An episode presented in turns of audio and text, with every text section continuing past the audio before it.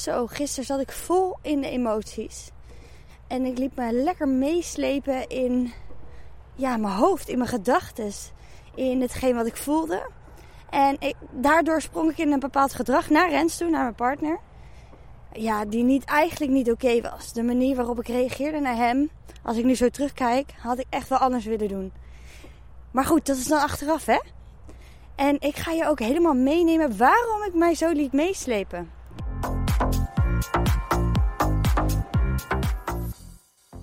Als jij je dus ook niet meer wil laten leiden door die emoties en je dus controle wilt hebben hierover, is het dus belangrijk om te weten waar dus die emoties vandaan komen en hoe je dus in bepaald gedrag schiet. En dit kun je dus nu doen met de gratis online challenge Hack Your Habits, waarin je dus ja, terugkerende gedragspatronen, belemmerende gedragspatronen kunt doorbreken.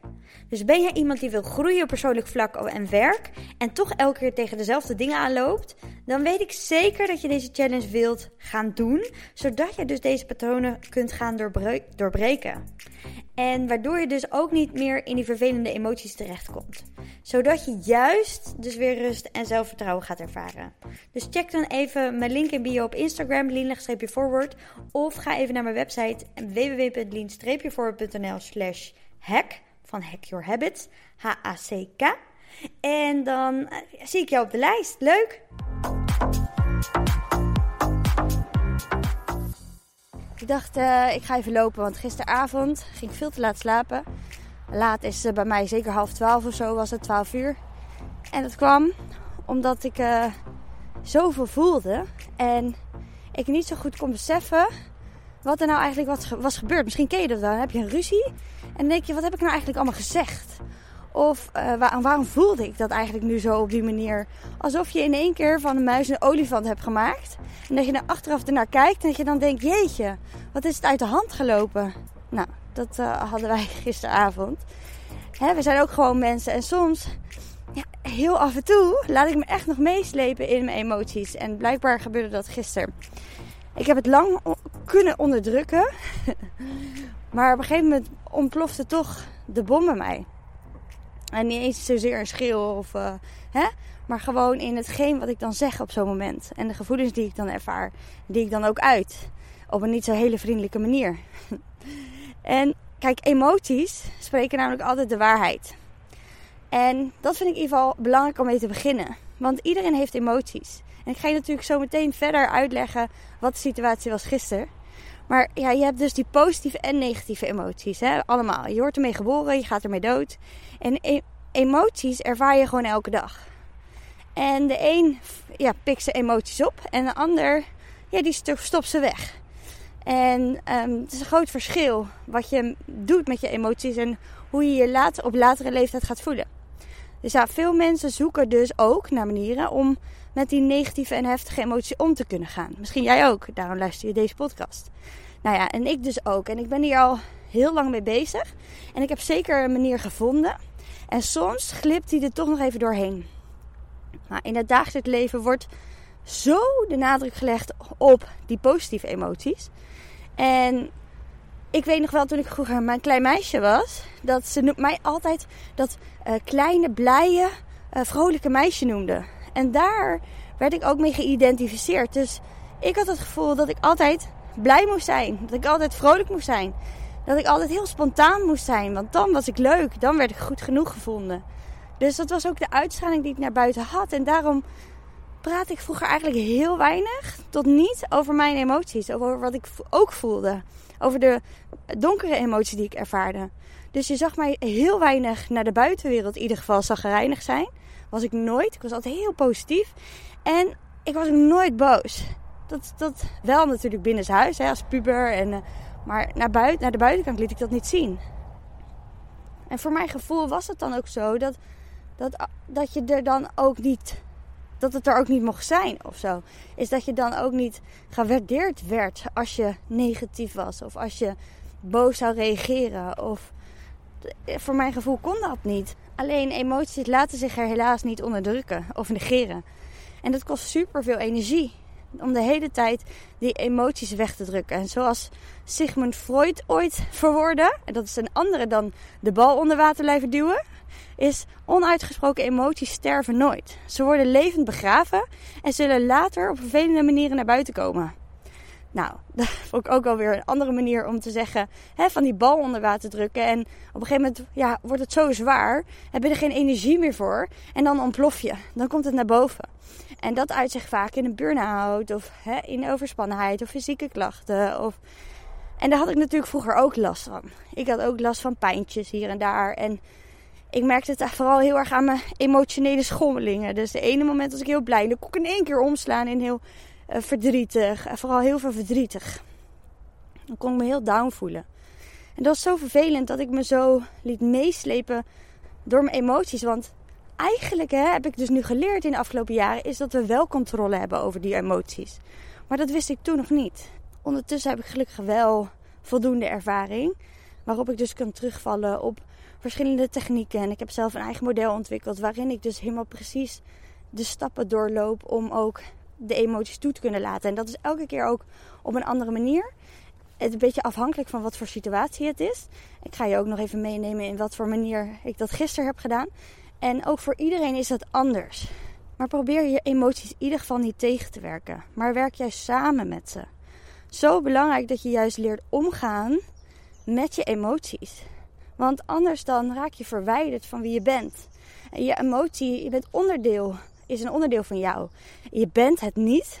Hè? Je bent het gewaarzijn van je emoties. Dat is een hele belangrijke. Want daar ging het dus bij mij gisteren mis. Is dat ik voelde dat ik die emoties was. Ik, op dat moment uh, ervaarde ik. Nou, ik zal het even verder het verhaal uitleggen. Ik was in de gang en ik was een boekje aan het voorlezen voor Jent. Ja, ja, in de gang. Jent moest nog even naar de wc, even poepen. En toen zei hij: Mam, anders doen we toch gewoon een boekje op de wc? Want dat was net voor het slapen gaan natuurlijk weer. Nou, dat vond ik een goed idee. Dus ik zat daar met een krukje. in de wc, eigenlijk net naast de wc in de gang. En ik hoorde Rens een beetje struggelen tussen aanhalingstekens. Ook weer niet. Want hè, hij was gewoon bezig met Ibe naar bed brengen. Alleen Ibe, die ging een beetje tegenspurtelen. Die uh, had even niet zo zin in. En ja, Rens praat dan op een manier tegen Ibe die mij triggerde. Dat was een, een trigger vanuit vroeger. Iets wat in mij lichaam, in mijn systeem eh, aangewakkerd werd. Waardoor ik iets ging voelen. Maar dat was een beetje op onbewust niveau. Want ik was dat boekje aan het lezen. Maar ondertussen, als ik nu terugkijk, hè, dan snap ik het wel. Was ik heel alert op wat hij aan het zeggen was. En wat, hoe, de manier waarop hij dingen aan het zeggen was. En ik was heel erg de nadruk aan het leggen op het negatieve stukje. Hoe hij hem um, toespreekt. En terwijl hij kan ook nog wel eens heel uh, humoristisch zijn en weet je wel, soms een beetje sarcastisch. Maar op dat moment trok ik dat gewoon echt niet. Dan had ik het gevoel, ja, je neemt hem niet serieus. Je luistert niet naar zijn gevoel. En dat zijn natuurlijk allemaal, uh, natuurlijk, voor jou misschien niet natuurlijk, maar in mijn jeugd waren dit zeker triggers. Ik had niet het gevoel dat mijn ouders mijn gevoelens serieus namen. En ik had ook niet het gevoel dat er echt naar me geluisterd werd. Dus daarin werd onbewust iets geraakt bij mij. En ergens weet ik het dan wel. Dus ik dacht, nou, ik besteed geen aandacht aan. Maar doordat ik dus wel iets voelde en ik er geen aandacht aan besteedde, werd ik dat gevoel. Dus ik, dat gevoel en ik werden één als het ware. Wat helemaal niet zo hoeft te zijn.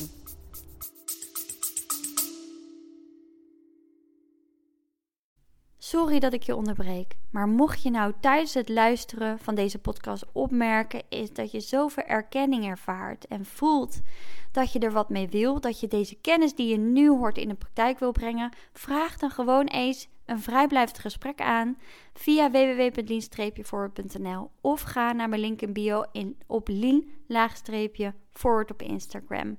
En dan kletsen we even over jouw uitdaging, je verlangens. Dan kan ik direct die rode draad eruit pikken waar jij mee aan de slag mag gaan. En dan kunnen we kijken en mag jou voelen of later beslissen zelfs nog of jij in eventueel het één traject zou willen stappen. Dus wie weet ga ik je zien.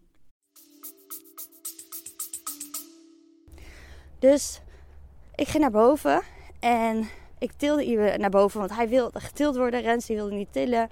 Die was heel principieel daarin. Toen dacht nou, dan til ik hem wel naar boven. Die jongen is gewoon moe, weet je wel. We tillen hem heel vaak, eigenlijk altijd. En dan in één keer gaan we hem niet meer tillen, weet je. Dat is zo vaag. Dus laten we dan van tevoren afspreken. Hey Ibe, vanaf dan, weet je, vanaf vandaag gaan we, kiezen we ervoor om niet meer te tillen en dan het helemaal uit te leggen. Nou, Rens had het ook wel uitgelegd. En ik had natuurlijk allemaal mijn eigen interpretatie ervan gemaakt. Maar goed, tilde naar boven. En daarin had Rens al zoiets van, wat ben je aan het doen? Weet je, bemoei je met, mij? En terwijl ik juist het gevoel van, nou, ik ben alleen maar aan het helpen hiermee. Maar het was natuurlijk vanuit mezelf. Vanuit mijn eigen pijn eigenlijk. Omdat ik hem daarmee wilde helpen op dat moment. En omdat ik het gevoel had van, ja, je, je luistert niet naar hem. En je ziet hem niet echt. En toen waren we boven. En toen nou ja, er waren allemaal nog. Hè, Rens werd een beetje geïrriteerd. Die zei zo zijn dingen tegen mij. Ik zei zo mijn dingen tegen hem. En ik was zo geïdentificeerd met dat gevoel. Zo van: dit is, kan je niet doen. Dat ik heel kritisch naar Rens was. En dan heb ik echt dingen gezegd die ja, echt niet liefdevol zijn. Alsof hij de dingen dus niet goed aanpakte. En dat is natuurlijk ook een trigger voor hem. Hij denkt: hallo, ik wil het alleen maar goed doen. En nu ga jij me aanvallen. Nou, het was gewoon niet heel liefdevol allemaal. Dus, en er waren ook de kinderen bij. Ja, ja, ook ons overkomt dat. Nu kan ik zeggen, hè? ben je een slechte moeder? Nee, je bent geen slechte moeder. als je uitvalt een keertje of een keertje wel ruzie hebt met de kinderen. Kan gebeuren als je het daarna maar weer, weer oplost. Dus nou, ik had, zat even met Ibe. Die zat even op mijn schoot. Toen moest hij niezen. En toen schoot hij zo tegen mijn neus aan. Zo. Ik had zo pijn. En toen in één keer dacht ik, voelde ik ook, ik moet nu naar boven. Ik moet nu naar boven. Ik moet gewoon zo hard huilen. Dus er zaten heel veel emoties daar weggestopt. En die ik juist mocht gaan uiten, die ik eruit mocht gooien. Dus ik heb heel hard boven gehuild. En alles eruit gegooid. Wat ik zo aan het onderdrukken was. Wat ik zo begraven had. En toen ik dat deed, toen kwam Rens naar boven en die wilde weten wat er aan de hand was. Maar in die emotie van verdriet wat ik had, zat ook heel veel boosheid. Heel veel boosheid, vooral niet per se naar Rens, maar wel dat stukje wat hij triggerde naar mij, had heel erg te maken met mijn vader. En mijn vader die ja, was heel harteloos, heel koud, heel um, empathieloos. En was vooral met zijn eigen leven bezig. En ja, omdat hij natuurlijk ook, hè, hij had daar zijn redenen voor. Voor de rest prima man. Maar en toen, ja, triggerde dat zo bij mij, hoe hij dat deed, dat ik dat ook dus die, boosheid voelde. En Rens die vroeg, ik vroeg vijf keer aan Rens, ga nou weg, ga nou weg, ga nou weg, ga nou weg. Het helpt me als je heel erg weggaat nu. En toen ging hij niet weg. Ja, en toen werd ik echt boos. En normaal gesproken zou ik die boosheid er niet laten zijn. En dit is de boosheid die ik vroeger had mogen uiten naar mijn vader. En die heb ik zo onderdrukt dat hij nu in één keer, dus als een bal die uit het water schiet, eh, kwam die naar boven. En waardoor Rens ja, die voelde zich, weet je, soms kan hij zich heel erg los daarvan zien. Maar nu ja, voelde zich ook al aangevallen. En uh, waardoor we dus ja, in een hele vervelende situatie terechtkwamen. Is dat gelukkig, hè, hij deed wel gewoon de kinderen. Of hij deed Ibe, ik deed Jent. Het was prima, maar nadat zij op bed lagen... Ja, toen kwamen wij in een hele vervelende ruzie terecht. Omdat je, we allebei aan het wijzen waren naar elkaar. Hij werd geraakt door zijn pijn. Door hetgeen hè, dat ik zei, je doet het niet goed. En ik werd geraakt door mijn pijn. En we waren helemaal verstrikt geraakt in deze gevoelens. En dan heb je dus geen controle meer inderdaad over je emoties. Dus als je soms het gevoel hebt dat je wordt overroeld door je emoties, dan komt dat omdat je jezelf ermee identificeert. Nou, we hebben een heel gesprek gehad tot kort voor 11, 11 uur of zo. En op een gegeven moment voelde ik mezelf landen in mijn lichaam. Ik kon weer mijn billen voelen op het bed. Ik hoor mijn voeten voelen. Ik kon weer in mijn lijf komen. En dat was zo fijn. Want toen ging ik weer voelen van... Oh, wacht even. Wat ben ik nou mee bezig? Alsof je een soort bezeten bent of zo op dat moment. Met allemaal emoties. Die op dat moment helemaal niet van jou zijn. Maar van hè, dat innerlijke kind eigenlijk in jou. En dat kind wat uh, nog verdrietig is, nog boos is. En, en dan in één keer kan je het weer met een andere bril... Kan je het weer bekijken, de situatie bekijken. Waardoor je denkt, jeetje, wat heb ik heftig gereageerd op deze situatie dat had helemaal niet gehoeven. Maar toch liet ik me even helemaal meeslepen. Dus ik kon weer helemaal in mijn lijf komen. Dus dat was heel fijn. Dus zo kon ik ook gewoon weer rustig praten. En gewoon Rens ook de ruimte geven om te praten natuurlijk. En zijn gevoelens te uiten. En dus dat was heel fijn. Dat, even voor mij was het heel fijn dat we, ja, dat we nog even dat gesprek konden hebben. En dat ik kon landen. Nou, toen zijn we gaan slapen. En uh, nu is de volgende ochtend. En nu hebben we gewoon de kinderen. Dus ja, Rens en ik zullen hier zeker nog een gesprek over hebben. Maar we hebben vanmorgen gewoon weer geknuffeld. En sorry gezegd. En weet je, het, eigenlijk gisteravond al hoor. Gewoon sorry gezegd. Want weet je, je, je, eigenlijk projecteer je gewoon je shit, je pijn op de ander hiermee. Terwijl het eigenlijk helemaal niet over de ander gaat.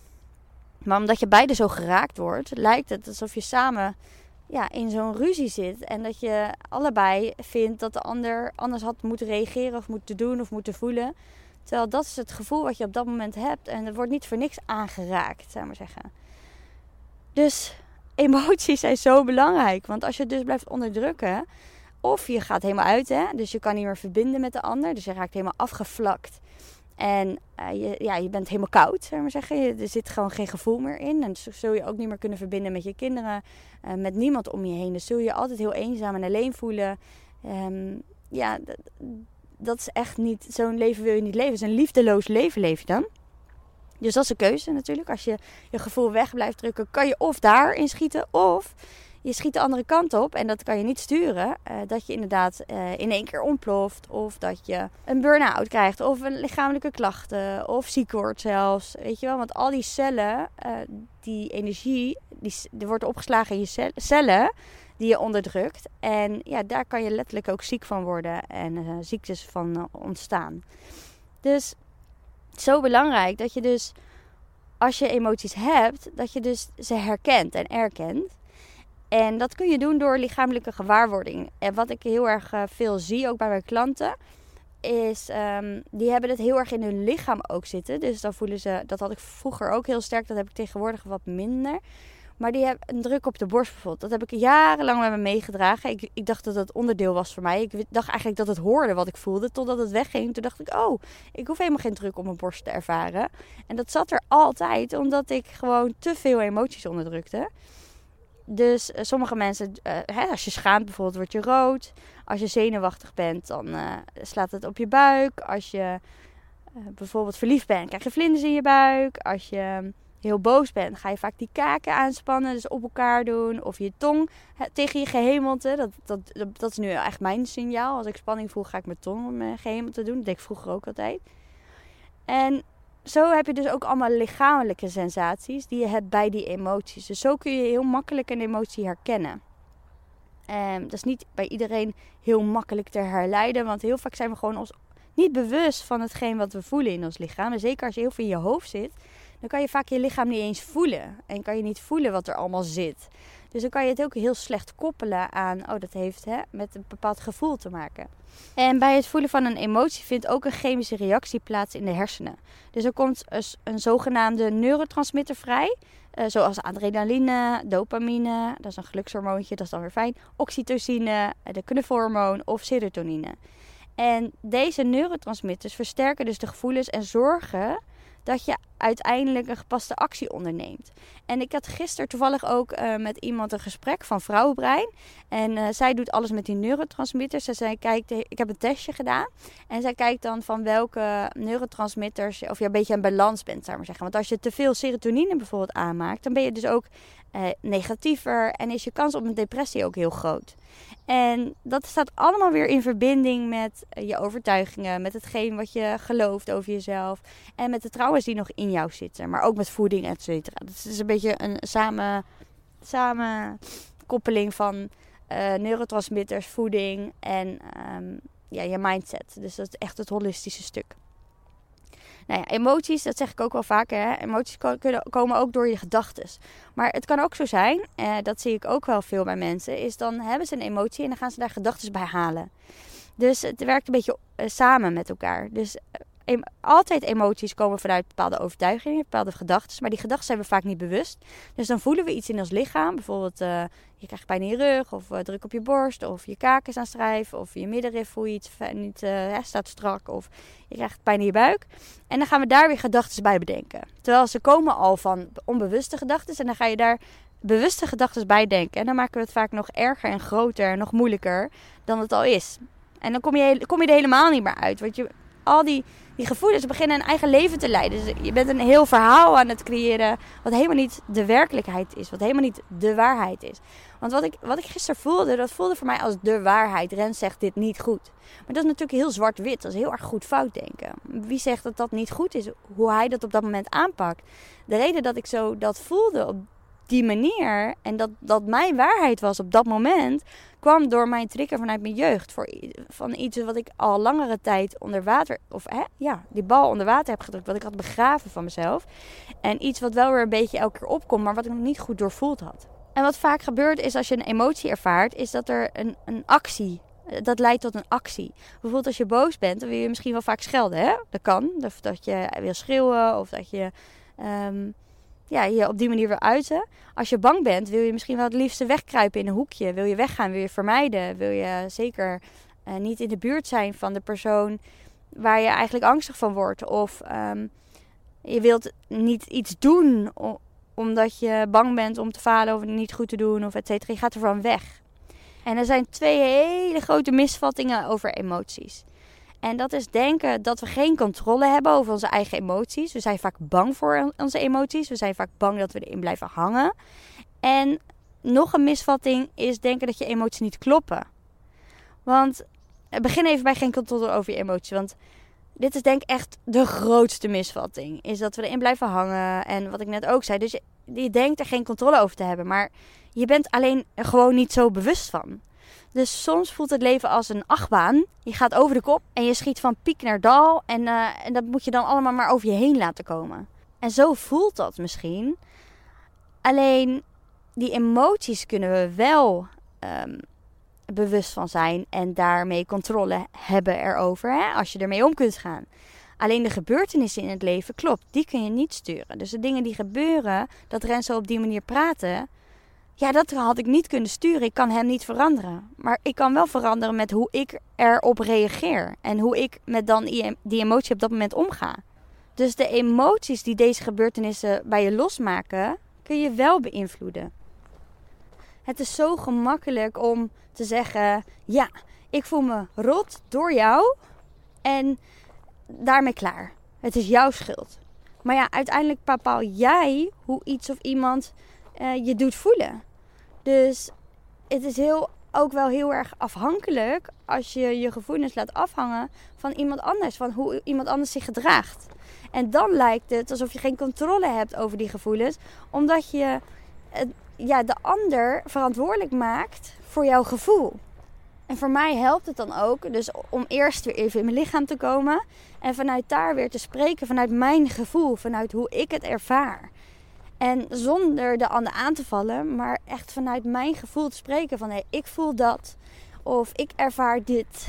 En heel erg vanuit mezelf te spreken en ook te voelen, oké, waar zit het hem nu echt in? Weet je, waar komt hij nu eigenlijk vandaan? En als je dat kunt uitleggen, kijk, Rens weet stukken van mijn vader natuurlijk, dus ik kon precies uitleggen gisteren welke stukken daarin geraakt werden. En dat helpt. En regelmatig hoor ik in coaching sessies is dat mensen zeggen ja, ik denk dit en dan voel ik dat. Weet je, voel ik in één keer die uh, druk op mijn borst. Of, uh, en, en dan denk ik dat ik er, weet je, bijvoorbeeld over erbij, moeten horen. Of dat je iets niet wil missen. Of uh, dat je partner weggaat en dat je dan in één keer rot voelt. Want je wil niet dat hij weggaat. En dat, je dat, dan, dat ze dan zeggen, ja, maar dat is raar dat ik dat zo voel, toch? Want ergens, hè, dat snapt dat volwassen brein ook wel, is dat ja, dat je er niet meer bij hoeft te horen. Weet je wel, dat het iets is van, van vroeger. En ergens snapt het brein ook wel dat het oké is als je partner een paar dagen weggaat. Of, uh, of uh, als je een kritische blik krijgt van een collega dat het niet per se over jou gaat. En dan gaan ze het rationaliseren, weet je wel. Ga je in die beschermingsmechanismen zitten. En dan ga je dus goed praten voor jezelf. En dan ga je dus ook die emotie onderdrukken. Terwijl je voelt het op die manier. En dan denk je dat die emotie niet klopt. Maar alles wat je voelt, dat klopt alles wat je voelt, dat zit er. En of het nou heel logisch is of niet, het is er. Dus het is belangrijk dat je het serieus neemt. Het is zo schadelijk namelijk om die emoties weg te blijven drukken. Je lichaam geeft ze niet voor niks aan. En dus, dus het de bedoeling dat je ze dan ook voelt. En dat je er dus ook het serieus neemt. Dat je jezelf serieus neemt. Want dat is eigenlijk wat je daarmee doet is dat je jezelf gaat zien. Dat je naar jezelf gaat luisteren. Want we wijzen vaak naar de ander. Hé, hey, je hoort me niet. Of je ziet me niet. Weet je wel? Of je begrijpt me niet. Maar begrijp jij jezelf wel? Zie jij jezelf wel? Luister je wel naar jezelf? En naar alle gevoelens die je hebt. Nou, er zijn uh, heel veel dingen en oefeningen die ik heb in mijn coaching sessies. Die ik inzet om ja, controle te krijgen over je emoties. Want het kan gewoon. Zo heb ik me ook weer herpakt gisteren. Binnen nou, een hele korte tijd, in een uur tijd, kon ik mezelf weer herpakken. En kon ik gewoon weer bij mezelf komen en voelen. En er los van komen. En het er laten zijn. En ja, daar heb je vaak wat tools voor nodig en wat handvatten voor nodig. En begeleiding, omdat we snel in die beschermingsmechanismen schieten. Snel in dat rationaliseren, in de bagatelliseren zo van... Nee joh, het is raar dat ik zo dacht, uh, wegstoppen. Weet je wel, het hoort, er niet, hoort niet bij mij, die emoties. Of het, of het is eng, weet je wel. Dus we denken dat we overroeld raken door de emoties en dan stoppen we het ook weg. Waardoor het dus alleen maar erger en erger en erger en erger wordt. Dus wat mij altijd heel erg uh, heeft geholpen, is mijn emotionele woordenschat vergroten. Nou werk ik ook met een emotielijst, dus dat heeft ook heel erg mij geholpen. En ik merk ook dat het mijn klanten helpt, omdat we heel vaak onze emoties helemaal niet weten te verwoorden. Waarom? Omdat het allemaal emoties zijn van vroeger. Van ons kindstuk. Van hè, toen we kind waren. Dus toen hadden we nog niet die hele vocabulaire die we nu wel hebben. Dus het is niet ontwikkeld. Op dat moment kunnen we dus niet een bepaald gevoel koppelen aan een bepaald woord. Omdat ja, het ook niet een emotie is van het nu, maar emotie van vroeger. Nou, daarbij helpt natuurlijk je lichaamsbewustzijn vergroten. Dat je echt uit je hoofd kunt gaan en naar je lichaam kunt gaan. Dat is een hele belangrijke, grote, makkelijke manier. Als je eenmaal in onder de knie hebt. Vaak vinden we dat uh, wel een uitdaging. En dat is ook iets waar je mee kan trainen. En daar kan je ook weer heel goed begeleiding bij krijgen. Bij een coach. Want daar heb je natuurlijk ook heel veel manieren voor. Hoe je dus weer kunt inchecken in je lichaam. En ik heb er ook een mini-cursus over trouwens. Dat zijn de vijf vormen. En natuurlijk heb je nog veel meer vormen om je in het hier en nu te krijgen en in je lichaam te krijgen. En je emoties bespreken is ook een hele belangrijke. Ik zie bij sommige mensen helpt dat heel goed, bij sommige mensen niet. Dus ja, bij de een, ja, die, die kan heel makkelijk zich uitspreken en daarna er vanaf zijn. En zich geuit hebben dan en, en dan is het oké. En um, ja, sommige mensen werken heel anders en die kunnen er niet op die manier los van komen. Dus dat is ook weer voor iedereen anders. Het is vooral heel erg belangrijk dat je die energiestroom. Hè, want eigenlijk is emoties. Je kan emoties niet echt zien, toch? Ik bedoel, je, je voelt je boos, maar je kan het niet aanraken. Uh, je kan het niet uh, zien als je een, een, scan maakt of zo. Misschien zie je het wel in je hersenkwaps, geen idee. Maar um, ja, het is eigenlijk gewoon energie. Net als verliefd zijn. Dat is zo ontastbaar. En alleen verdriet, hè, heb je die tranen bijvoorbeeld. Dus dan, dan zie je echt verdriet. Maar voor de rest is het niet tastbaar. Dus ik geloof erin dat energie juist mag stromen. Dat het door mag stromen. En bewegen helpt er bijvoorbeeld ook bij. Ik ben nu aan het wandelen. En, en als je dan jezelf naar hier en nu kunt brengen. Want daar gaat het uiteindelijk om. Is dat je dan wel, hè, als je wandelt, gewoon in het moment kan komen. Uit je hoofd gaat.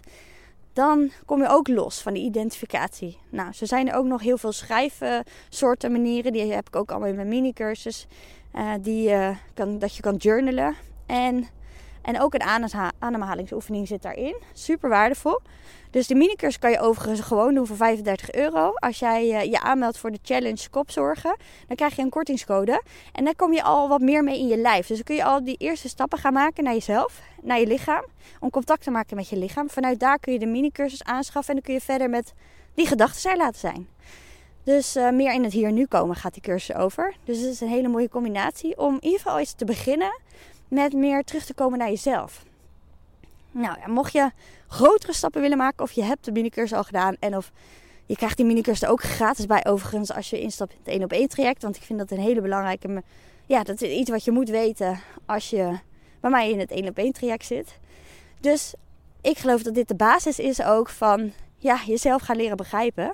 En dan zitten er natuurlijk nog veel meer onder die emoties. Want ja, de reden dat we emoties hebben is omdat we overtuigingen hebben. Ze worden aangestuurd door de geloofsovertuigingen die wij aannemen als de waarheid. En daar komen dus die gedachten uit en die gevoelens uit. En dat mag je oplossen bij jezelf. En oplossen heb ik het over. Uh, wat ik doe is um, in mijn één op één trajecten is. Ik start altijd met een dagelijkse trigger. Dus iets, net zoals wat ik gisteravond had. Dat is het waardevolste, want dat is iets wat op dit moment speelt en dat is niet voor niks. Dus dan ga ik met die trigger aan de gang. En dan gaan we onderzoeken welke uh, overtuigingen daaronder zitten. En wanneer je die overtuigingen bent gaan geloven. En vanuit daar gaan we kijken uh, waar dat allemaal zit in je lichaam. Hoe we dat kunnen koppelen. En gaan we dat helen. En dat heel ik op verschillende methodes. Dat is ook weer per persoon afhankelijk. Ik uh, ben geschoold in best wel wat methodes. En dat heb ik samengevoegd tot één model. één methode. En ja, de ene keer gebruik ik iets meer van het een en de andere keer iets meer van het ander. Een beetje afhankelijk van de behoeften van de persoon wie, hoe je reageert. Want iedereen is anders ingesteld. Hè. Dus nou ja, voel je nu ook ergens van ja, ik mag daar wat mee. Ik wil ook die emoties onder controle hebben. Ik wil me ook niet meer zo laten leiden door de emoties. Waardoor ik dus in allemaal ruzies kom of onzekerheden kom. Of weet je, op werk weet je wel dat je niet jezelf helemaal kunt laten zien. Of dat je continu bevestiging nodig hebt van anderen vanuit die onzekerheid. Doordat je die emoties hebt, de emoties van onzekerheid, van angst. Nou, ga dan zeker even contact met me opnemen. Je kan een vrijblijvend break-open sessie aanvragen. Gewoon via www.lean-forward.nl slash coaching. Of uh, kijk even in mijn link in bio van Instagram, Lina-forward. En dan zie je hem ook bovenaan staan. Je kan me ook altijd persoonlijk berichtje sturen. Sowieso leuk als je aangaat op deze podcast. En dan wens ik jou nog een hele fijne dag. Oeh, weer een bus. ik hoop niet dat je het veel gelast hebt gehad van het geluid. Maar, uh, en een hele fijne avond. Of misschien slaap lekker. Ik heb geen idee natuurlijk hoe laat het voor jou is. En dan, uh, je weet tot ziens. Doei!